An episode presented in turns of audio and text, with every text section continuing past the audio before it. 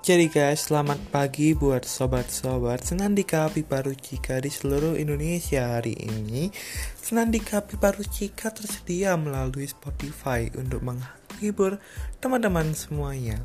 Nah, teman-teman, aku kali ini bakal jelasin lebih mengenai Senandika Pipa Rucika.